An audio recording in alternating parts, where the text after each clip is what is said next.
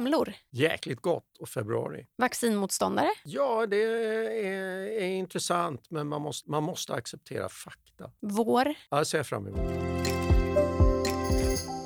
Årets första podd, Palle. Hur känns det? Ja, men det känns ju som en rolig premiär, tycker jag. Bra start här på året. Eh, Det är ju inte mindre än Matti Sellberg, professor på KI och även biomedicinsk analytiker. Vad har du för förväntningar på honom?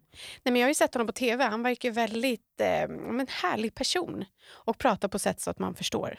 Det är ju alltid... Jo, ja, ja, Wow, jo, för- verkligen. Han är ju liksom inspirerande. Ja, det märks att han föreläser. Mm, Liksom. mm. Eh, så vi ska ju prata om det som alla pratar om utan att trötta ut det. Covid, mutationer, Just det. vaccin, anti-vaxxers. Vad kommer att hända med omikronet här? Kommer det liksom bli nya mutationer som vi får lära oss att leva med? Det är väl den typen av fråga jag kan mycket väl tänka mig att han kan besvara.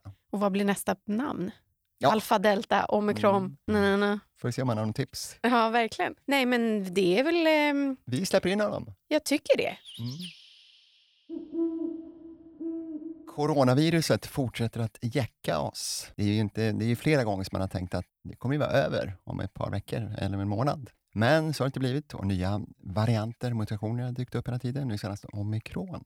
Vad tror du Matti? Tror du att vi kommer att ha det så här i framtiden? Ja, det här det är ju en jättesvår fråga. Och det, eh, det, det, det här viruset har ju liksom förvånat oss hela tiden. Först så trodde man lite, åtminstone jag och kanske några till, att det skulle gå som en löpeld och så var det klart någonstans framåt sommaren 2020. Det var ju helt fel. Va? Utan det var ju liksom, det spreds ju inte så mycket, hoppa lite här, hoppa lite där. Och sen kom den där första varianten som var riktigt smittsam, det var ju alfa. Sen kom delta och nu är vi omikron. Så frågan är ju, vad kommer härnäst? Hur kommer det att se ut? Vad kommer det att undvika? Det, det är så extremt svårt att försöka förutse så att det vågar man inte göra längre. Men det, omikron verkar vara extremt smittsamt. Det är sannolikt väldigt många som blir smittade. Men vad får man för immunitet? Eh, hur länge sitter den i? Eh, hur kommer det skydda mot framtida varianter? Inte en blekaste. Så att just nu är det väldigt svårt att förutse helt enkelt vad som kommer att hända. Ja, eh, det, jag menar, det, det jag tror att många tror och hoppas, det är ju det att det som man sa från början, att när virus hoppar från djur till människa, då är det som mest aggressivt i början. Sen blir det snällare och snällare och snällare och till slut så blir det ett vanligt förkylningsvirus. Och det, hade nog alla liksom, i virologer räknat med. Så kommer det att bli efter en 10-15 år. Oj. Men nu kanske vi redan har sett det efter ett par år, vilket vore bra om det nu är så. Men det, det, det är omöjligt att säga, därför att hade vi inte haft vaccin skulle vi troligtvis ha en havererad sjukvård just nu på grund av, tro, även om det vore så att omikron inte ger så allvarlig sjukdom, så det är så extremt smittsamt. Jättemånga hade blivit allvarligt sjuka och dött. Så att tack vare vaccin så har vi ju en hyfsat lugn tillvaro, trots att det är så smittsamt. Men det är alltså den nästa variant som kommer att dyka upp. Det, ja. Men gud, det låter nästan som att man på något sätt får vänja sig och leva med det här. ja, men lite grann så tror jag att det är, eh, vi är lite grann i en ny värld. va? Därför att vi har ju haft pandemier tidigare. Och till exempel den senaste som var eh, svininfluensan 2009. Där var det också med hjälp av vaccin, men den, eh, där är det ju en lite mer begränsad eh, smittsamhet, det var en lite mer begränsad spridning. Den var det lättare att få kontroll på. Där, var, där blev det nog liksom ett, eh, ett bättre immunsvar och att det var inte riktigt lika eh, smittsamt. Va? Det här är ju extremt smittsamt och sen är det det också att vi, den, den sätter sig i lungorna. Och då bygger man på en slemhinneimmunitet, det vill säga att man ska ha antikroppar i lungorna för att, att skydda mot infektion. Resten av immunsvaret skyddar mot att vi inte hamnar på sjukhus. Eh, och det har vi ju många, va? så vi kommer inte att belasta sjukvården lika mycket. Men när kan man då säga jag är lite förkyld idag, men jag kommer till jobbet ändå? Ja, precis. Mm, Det är därför på så, dagis. så har vi ju levt hela våra liv. Va? Mm. mm. Ja, verkligen. Jag, jag har bara en tanke som kanske är helt offside, men alla de här namnen, hur kommer de på sig? Alfa, delta, omikron. Ja, men de följer ett, eh, jag tror det grekiska alfabetet Okej. eller nå- någonting. Alfa delta känns ju ganska naturligt, men inte omikron. Omikron Ja, omikron, aj, den, den, den hade jag lite svårt att, att förstå faktiskt. Men det, Mm. det, det, det finns någon tanke bakom det där. Men de, de har någon eh, taxonomi som de följer. Mm. Ja, just, det. ja, precis. Man undrar lite, vad blir nästa namn? Ja, Ja, ja, precis. ja, det är precis. Det är lite som Ja. orkanerna. De får Ja, liksom ett... Ja, de kommer via Norge där. ja, precis. Vad gör de när bokstäverna tar slut då? Ja, Ja, ja, ja, precis. precis. Men det är, vi hoppas vi inte kommer dit, tänker jag.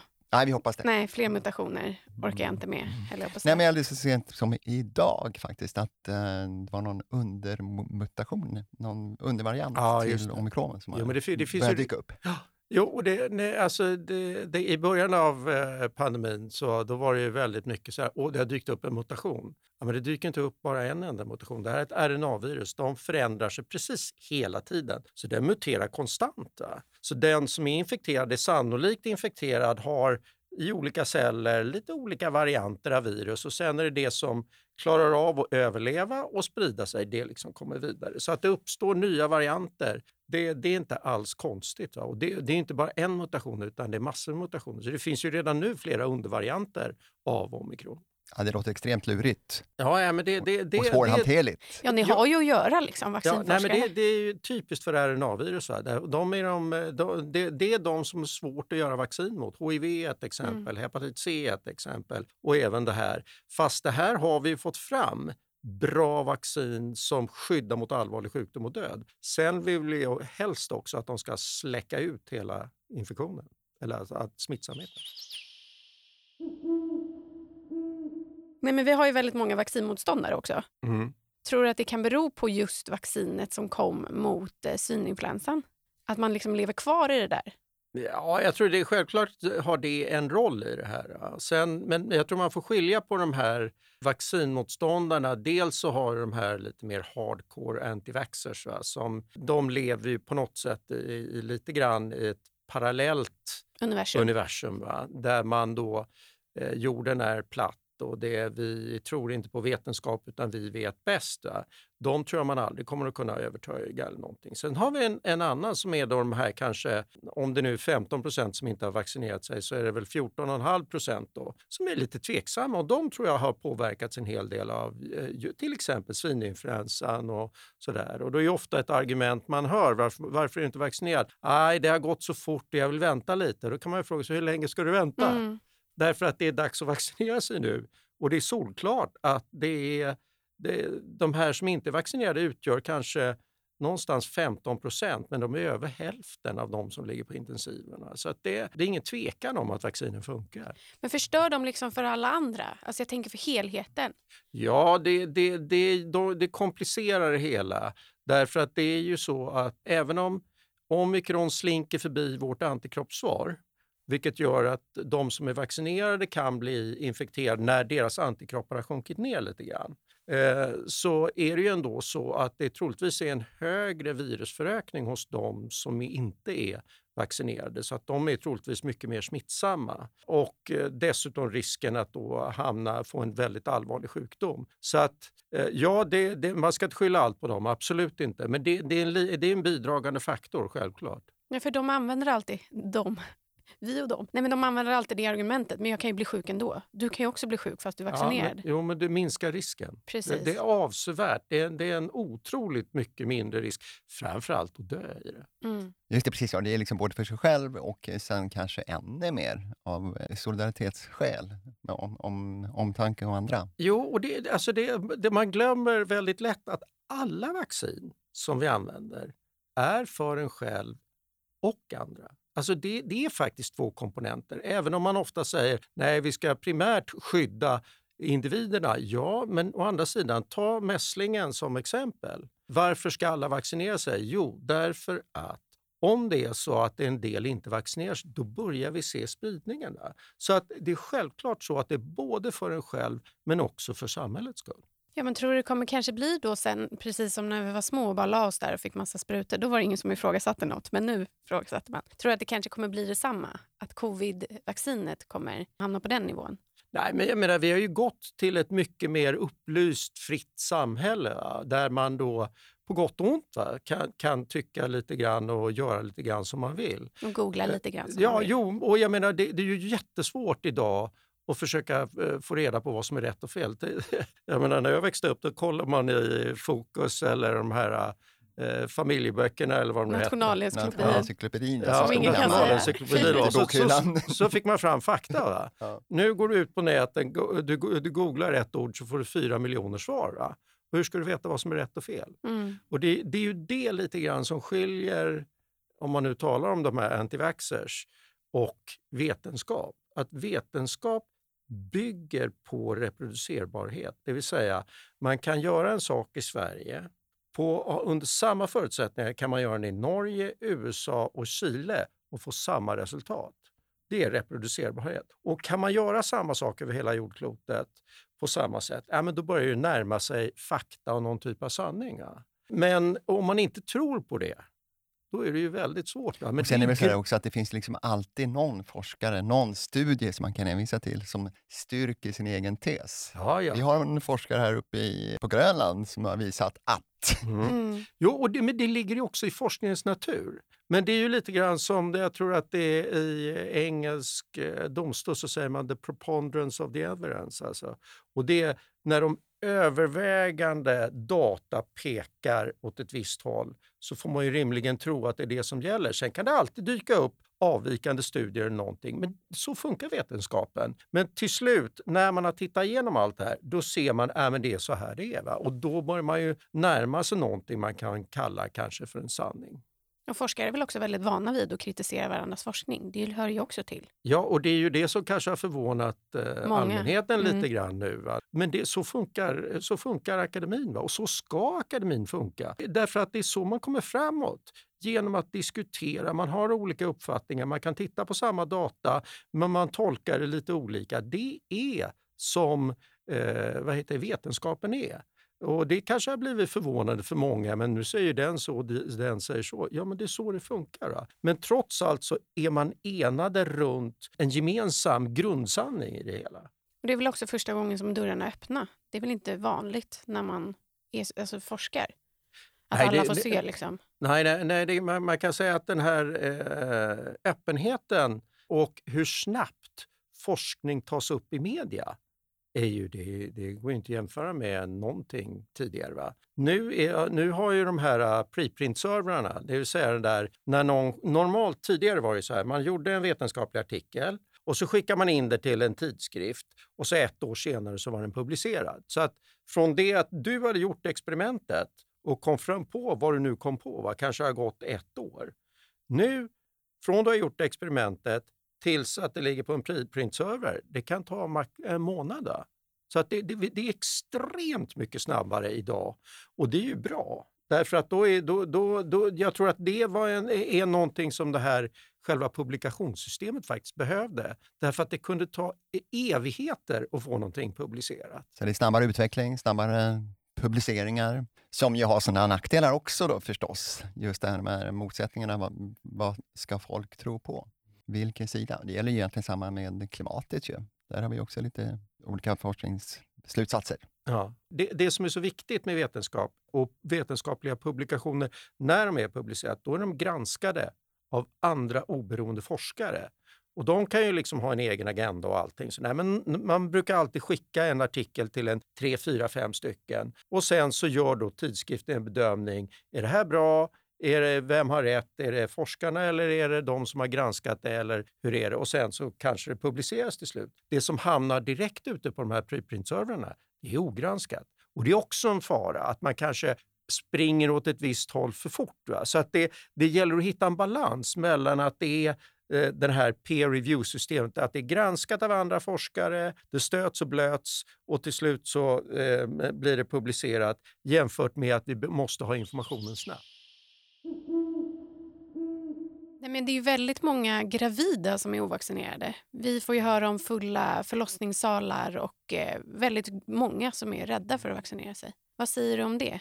Ja, du ska, du, det är alltid så där. Man ska hänvisa till sin egen läkare och tala med den. Det är A och O i allting sånt här. Men eh, faktiskt var det ju så att eh, igår så eh, hade Läkemedelsverket under den här presskonferensen gick igenom då vad är riskerna att vaccinera gravida? Och då är ju faktiskt så att vinsterna enligt alla studier som är gjorda, de överväger. Därför att risken att få covid vid en, under en graviditet, där är ju risken att barnet föds för tidigt med alla de risker som en för tidig födsel är associerad med. Så att, eh, det är nog ingen tvekan om att, att vaccination även hos gravida är väl motiverat. Och att man har, man har inte sett några ovanliga, utan det är vanliga vaccinbiverkningar. Och sen ska man ha klart för sig också att det, det man ofta säger, ja men vaccinet går över till fostret. Nej, det gör inte det. Dessutom är det här, de vaccin som vi huvudsakligen använder idag är RNA, vilket bryts ner väldigt fort. Så att alla de här riskerna att om man förändrar eh, den genetiska uppsättningen hos barnen, nej det gör man inte. Det, det är inte ens möjligt att göra. Nej, för jag tror att det är många som tänker eftersom ja, men det är så mycket man ska avstå ifrån. Så, mm. Alkohol, Alvedon typ, eh, listeria, tokoplasma. Alltså det är så mycket. Man får inte äta skärk eller ost. Så ja, du menar som gravid? Som gravid, ja. Mm. Jag är kvar på de gravida. Ja, just det, eh, nej, men då, tänk, då är det så lätt att tänka så här, om man stoppar in något främmande i kroppen så kommer mm. det påverka fostret. Men som du säger så är det bara antikropparna som bebis får. Ja, precis. Och det, det, är, ju, och det är ju bra för barnet. Va? Därför att då är ju faktiskt, och det, det är ju lite grann, det, det, är ju en, någonting som evolutionen har sett till. Det vill säga att skulle barnet födas utan någon typ av immunsystem eller alltså någon typ av färdig immunitet så skulle du drabbas av alla möjliga infektioner. Va?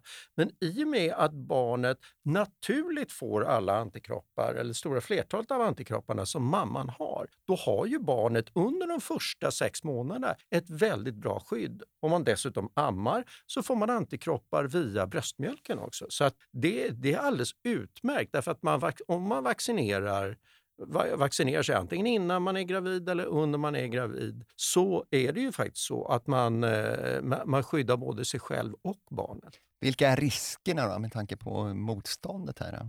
hos vissa?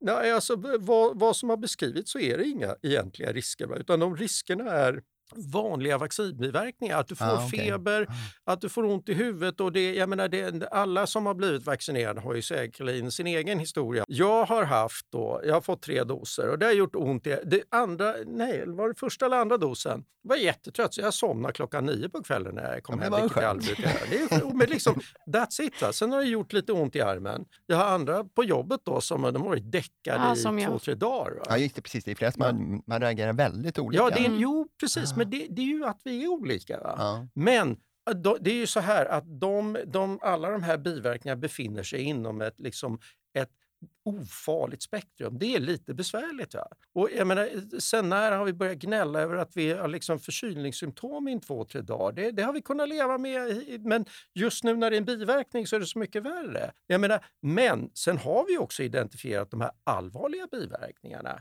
typ de här koagulationsstörningarna som man fick av de här adenovirusbaserade vaccin, Janssen och Astra, som drabbade kvinnor under 50.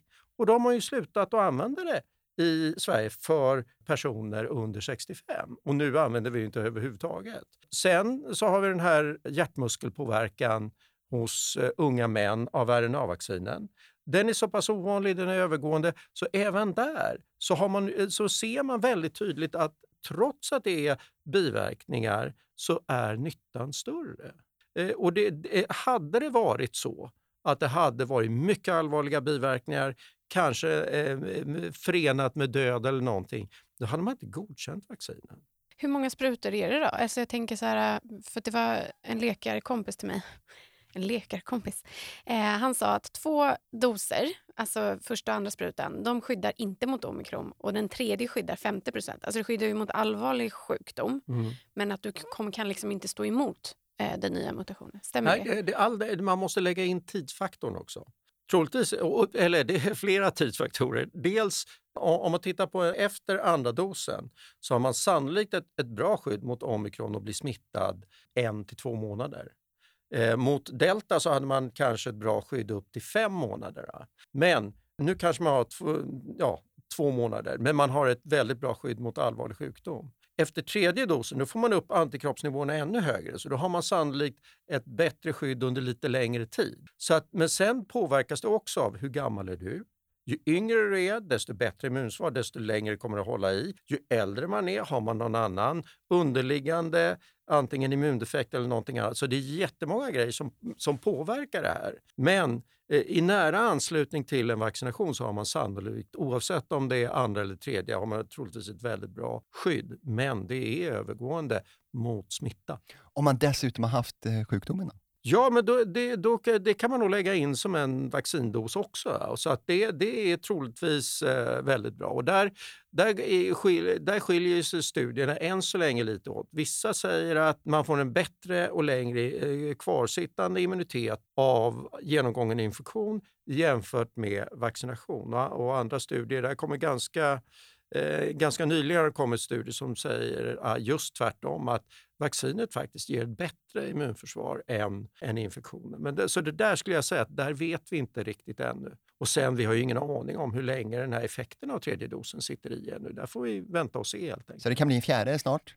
Det kommer att bli Tror en fjärde. Du? Ja, ja. Det är fjärde, kanske femte. För riskgrupper och föräldrar, absolut. Fjärde, kan man räkna med att det vaccinet är uppdaterat så att det liksom är anpassat för Ja, det, ja, men det, där är, det är en jätteintressant fråga. Därför att det, nu, nu säger man ju att man, vi har de där eller genetiska vaccinen, de här RNA-vaccinen. Och de är ju enkla. Det är bara, i princip bara att göra några mutationer och sen producera samma sak igen. Men för att man ska använda det så måste det vara bättre är det inte bättre kan vi lika gärna köra med de vaccin som vi har. Så att där, det är därför det tar tid, de här tre månaderna innan de kan liksom börja lansera de här vaccinen. Därför att man måste ju faktiskt se att det är någon vits att ha dem och att, att det inte dyker upp någonting oväntat med dem. Så att man ska inte vänta, tycker jag, på de här vaccinen. Men vi kanske kommer att behöva de här uppdaterade i framtiden. Men när, om tre månader, vad har vi för variant då?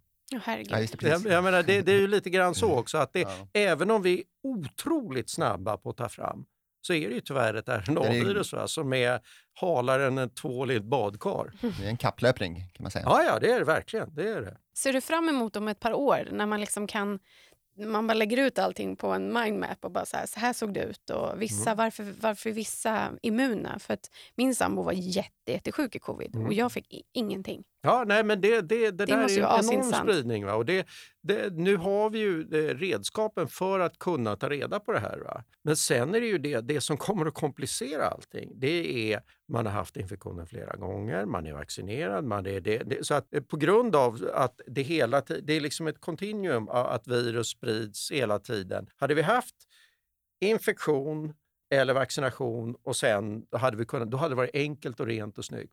Nu har vi ett antal miljarder människor och alla haft sin, e-, har sin egen liksom vaccinations och sjukdomshistoria. Men jag tror att det finns väldigt goda förutsättningar att vi ska kunna lära oss enormt mycket av det här.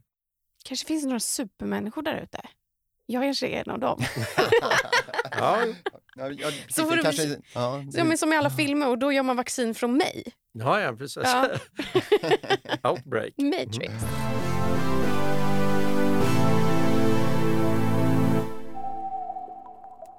Vinterbad eller sommarbad?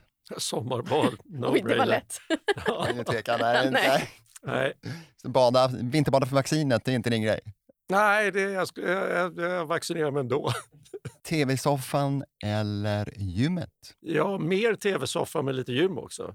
En kombo där alltså? Ja, det är en kombo. Undervisa eller forska? Ja, både och faktiskt. Men jag, jag kanske är mer, eh, lutar mer åt att forska. Men det, jag, jag, tycker faktiskt det är fortfarande att det är kul att undervisa. Man får frågor som man inte visste fanns. Så det är liksom en del i forskningen, låter det som? Ja, jo, nej, men jag menar det... det, det, det man, de, de berikar varandra? Ja, ja, de berikar varandra. Och sen, ja, ja, för jag är, tycker verkligen forskare ska undervisa. Det är kanske inte alla som är liksom klippta och skurna för att göra det. Men det är ju forskarna som vet mest. Och eh, sen av studenter så får du ofta väldigt enkla frågor som är skitsvåra att svara på. Därför att de är, antingen har du inte tänkt på det, eller så är det, det, det, det är så smart så det är enkelt. Eller tvärtom, det är så enkelt så det är smart. Alltså det, det bidrar liksom till forskningen? Ja, ja, jo, ja men det, absolut. absolut. Mm. Och jag tror att en viktig del för forskarna det är att entusiasmera studenter för forskning. Därför att jag menar, det, om man ah, det här med att forska är skittråkigt, gör inte det. Ja, men vem börjar då? Va? Mm. Men om man säger det är skitkul varje dag så man till och med gör det på kvällar, och helger och nätter. Va? Ja, men åh fan. Men menar du att det är svårt att locka studenter till forskning? Ja, jag, jag tror att alla behöver uppmuntras. Och det, jag menar, det inom, och tittar man på inom de kliniska yrkena, då är det ofta så att du tjänar lite mer pengar om du direkt börjar jobba i ditt kliniska yrke jämfört med att forska. Och eh, tidigare så var det ju väldigt mycket att det var oerhört meriterande för olika tjänster att du hade en forskarutbildning också. Det är inte riktigt så idag. Va? Och det tycker jag är väldigt synd därför att det är väldigt viktigt att ha en forskarutbildning därför att du har ett helt annat kritiskt tankesätt. Du har en helt annan syn på tillvaron. Och det, den, den, eh, den går inte att eh, överskatta betydelsen av det.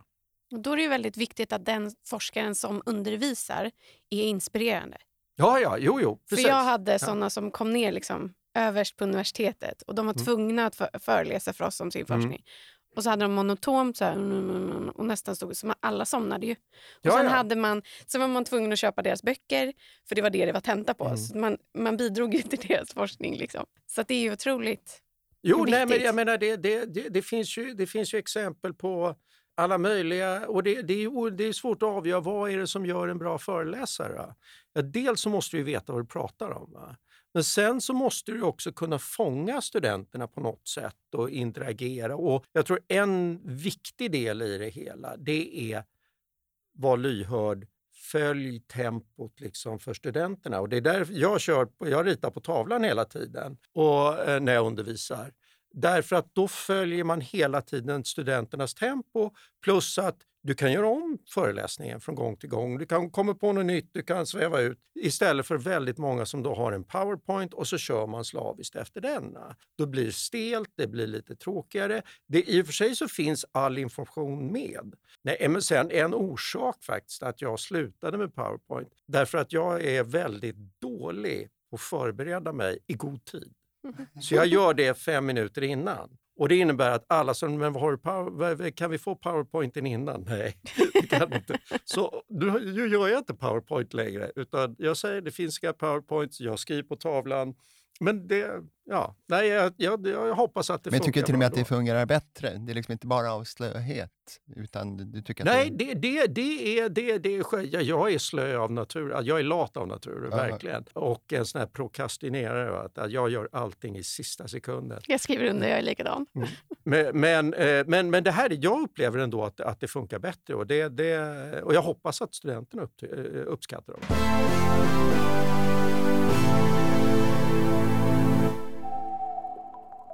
Vi har ju intervjuat Alemira Simi och eh, ja, Mm. eh, med andra.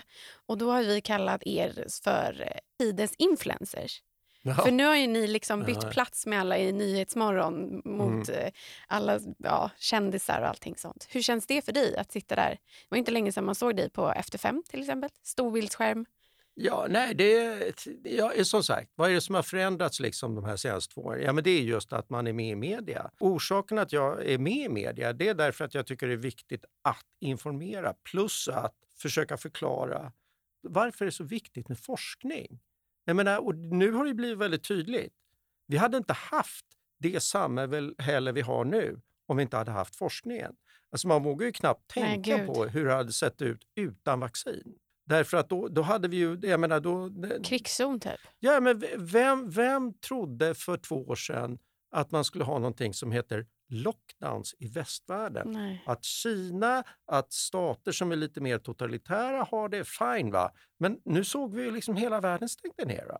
Och det är unheard of. Och utan vaccin, ja det hade varit precis likadant nu. Och plus att antalet döda hade varit Men man får ju lite grann, när man ser det i rutan så där, får man ju lite grann en känsla av att, eh, ja dels är det ju eh, inspirerande Verkligen. Mm. Och eh, man får känsla av att du trivs. Ja, nej, men jag, jag har föreläst i 30 år. Va? Det och märks. Då är man, lite, man, är, man är ändå van att prata om det. Så att det är inte så att jag, jag tycker att jag drar mig för eh, och åka och sätta mig i studion. Absolut inte. Nej, det är det inte. Det, nej, och det, nej, men jag tycker det är kul att förklara. Du, I botten så vet jag att du är biomedicinsk analytiker. Ja, precis. Ah, Det är okej, en ja. av mina utbildningar. Det är en, ja, du har kanske haft flera stycken? Ja, jag är tandläkare också. Ja, du är Va? tandläkare Ja, också. Hur mycket har du pluggat? Okej. Hur många år har du pluggat? Alldeles för mycket. Nej, jag, jag, när, när, efter gymnasiet så pluggade jag till eh, laboratorieassistent som det hette på den tiden. Eller nu biomedicinsk analytiker. Och eh, sen jobbade jag det några år och då började jag forska också. Och sen så tyckte jag att jag ville läsa lite mer eh, och då började jag läsa till tandläkare. Så att, ja, 92 blev jag färdig tandläkare och doktorerade. Så du kommer lämna över ditt CSN-lån till dina barn sen? Absolut, precis. Man betalar ju av det där för resten av helt livet. riktigt. Ja.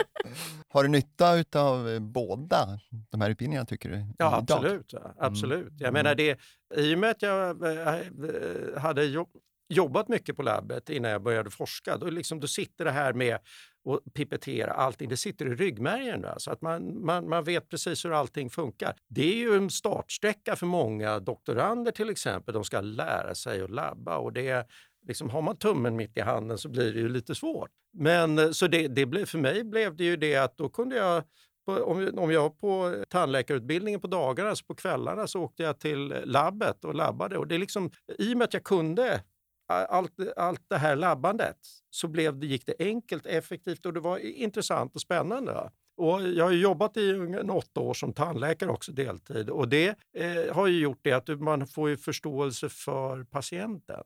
Att det är så Ja, oerhört stor skillnad att själv vara patient och att behandla patienter. Alltså, du får patientperspektivet på ett helt annat sätt. Så att jag, jag, jag tror att båda de utbildningarna har varit oerhört värdefulla. Ja, Jag tycker det låter ganska imponerande för en person som är lat till naturen.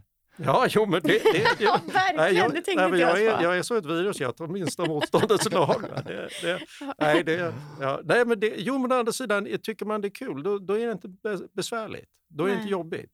Nej. Så Och sen kan jag mycket väl tänka mig också att just den här kopplingen mellan tandhälsa och hälsan totalt, den blir väldigt påtaglig för dig. Att den, den finns i bakhuvudet på något sätt hela Ja, tiden. jo, det, och jag menar det, det var lite grann jag, eh, medan jag var då, eh, doktorand och gick på tandläkarutbildningen så sa jag, men du kan ju inte hålla på, det, det har ingenting med tänder att göra och forska om virus. Jo, det har med tänder att göra. Därför Ja, att det är det. liksom, det, och det, Ja. det, det, där, eh, det, det är ju någonting som är eh, intressant att olika skrå ofta målar in sig lite grann i hörna. När det, när vi, det är samma kropp vi tittar på och det är samma saker som händer. Eh, En, en cell i en, i en tandpulpa fungerar precis på samma sätt som en annan cell i kroppen. Va? Så det, är- grunden är ju precis likadan. Och du kan ju bli väldigt, väldigt sjuk i resterande kropp, höll jag på att säga, om det hänt någonting i tänderna. Ja, Mm. Man kan ta livet av folk Ja, verkligen. genom att, att, vara klantig Ja. eller missa någonting. När man, eh, så absolut. Så att, att allting sitter ihop är ju liksom, det är uppenbart för alla egentligen. Men man, Mm, tänker man glömmer på bort det. Ja. Om vi tittar på virus så infekterar det via en receptor som finns på väldigt många olika celler. Och man har ju sett en hel del hjärt-kärlpåverkan just i samband med covid och just till exempel det här med koagulationsrubbningarna som man kan få så att man väldigt tidigt så började man ge antikoagulantia i, även efter infektionen för att det inte skulle uppstå. Så att det, det, det, fin- det finns mycket som... eh, Det, det, och det är så enormt mycket vi inte vet. Nej, jag, vet inte, jag fick råd till exempel att spring inte för tidigt efter tillfrisknande från covid. Ja, det låter väl rimligt tycker jag. Att, att inte överanstränga systemet helt enkelt. Mm. Absolut. Det var jobbigt för dig. Ja, det var, ja, precis. Det var tungt. Ja. om vi skulle drömma då? Mm. Vart är vi om ett år? På Bahamas. Nej, eh, och då, eh, ja, om ett år, ja men då har vi eh, eh ett virus som eh, har anpassat sig totalt till mänskligheten så att det är ett förkylningsvirus. Det kanske eh, kommer som influensa eh, orsaka lite allvarligare sjukdom hos de som är gamla och sköra eller att man har någonting så att där man får man fortsätta vaccinera. Men att man normalt sett kommer att hantera det här som ja, det är ett vanligt förkylningsvirus nu. Att det har, det har försvagats så pass mycket att varianten som dyker upp efter omikron är ännu ofarligare och så kanske ytterligare en variant som är ännu ofarligare. Då, då leder det i sin tur till att vi får en ganska långsiktig immunitet i befolkningen av helt ofarliga virus, men att vi ändå måste skydda eh, vissa grupper. Men tror du alltså att det blir som en vanlig säsongsinfluensa? Någonting dit skulle man kunna tänka sig. Va? Att I allra bästa skulle viruset försvinna, men det kommer det inte att göra. Men, så att jag tror att det bästa vi kan hoppas på är att det blir lite grann som en säsongsinfluensa. Ja. Kommer vi ha lärt oss någonting? Kommer det ha förändrat sjukvården? Kommer vi liksom handla ja, det på tror jag. annorlunda Det, sätt? det har det redan gjort. Eh, sen tror jag eh, kommer det att förändra hur vi umgås, politiska livet. Ja, säkerligen. ja. Det, det tror jag. Kommer vi absolut. kramas igen? Eh, ja, det får vi verkligen hoppas att vi gör. Va? Nej, men det, det, det absolut, det tror jag. Så vi Det- kommer det, fortsätta mötas via Zoom? Ja, delvis kanske? Ja, ja, det, jag måste ju säga att själv då har, har jag hamnat mycket i det här zonträsket. Mm. Och eh, det, sen när det då öppnas upp igen och man tänker Fan vad skönt det var med Zoom. Därför att då kunde jag sitta kvar på mitt kontor och så kunde man ha tre möten vägg i vägg i vägg. Man behöver inte åka över hela stan. Men å andra sidan den här mänskliga Vi är ändå interaktionen. flockdjur. Ja, ja, ja, precis. Plus att ärligt talat, alla som sitter och zoomar, vad gör de egentligen? Mm.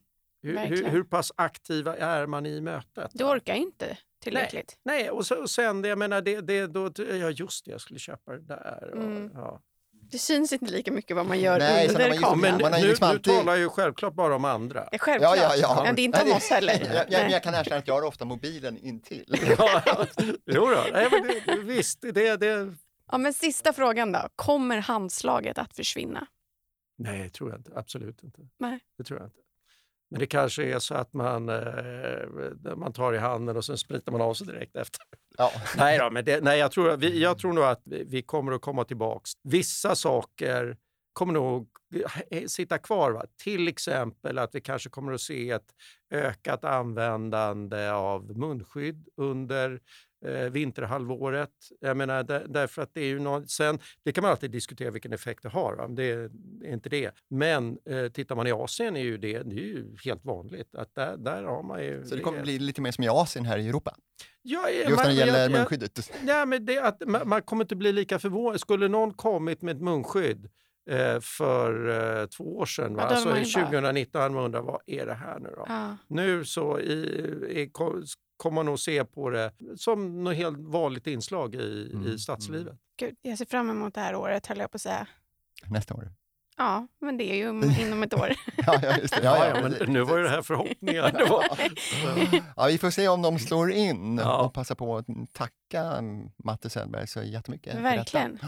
Eh, Det roliga, ja, eller bara som en liten parallell, vi satt ju med eh, Ali då, Mira Mm. För Mm. ett år sedan, prick faktiskt. Ja, ja. Ja, Ja. och han förutsåg ju då, han kunde inte heller spekulera riktigt, men han gjorde det förstås ändå, att till hösten, alltså hösten 2021, då ska vi nog kunna leva normalt igen. Så Jo, men vi kunde ju det under en kort tid. Ja. Men sen så, ja, det, Sen shit det till. happens. Va? Shit happens, det är så vi kan Mm. runda det här, eller avrunda det här. Tänker jag. Vi har ändå pratat om covid och mutationer och allting. Mm. Så shit happens.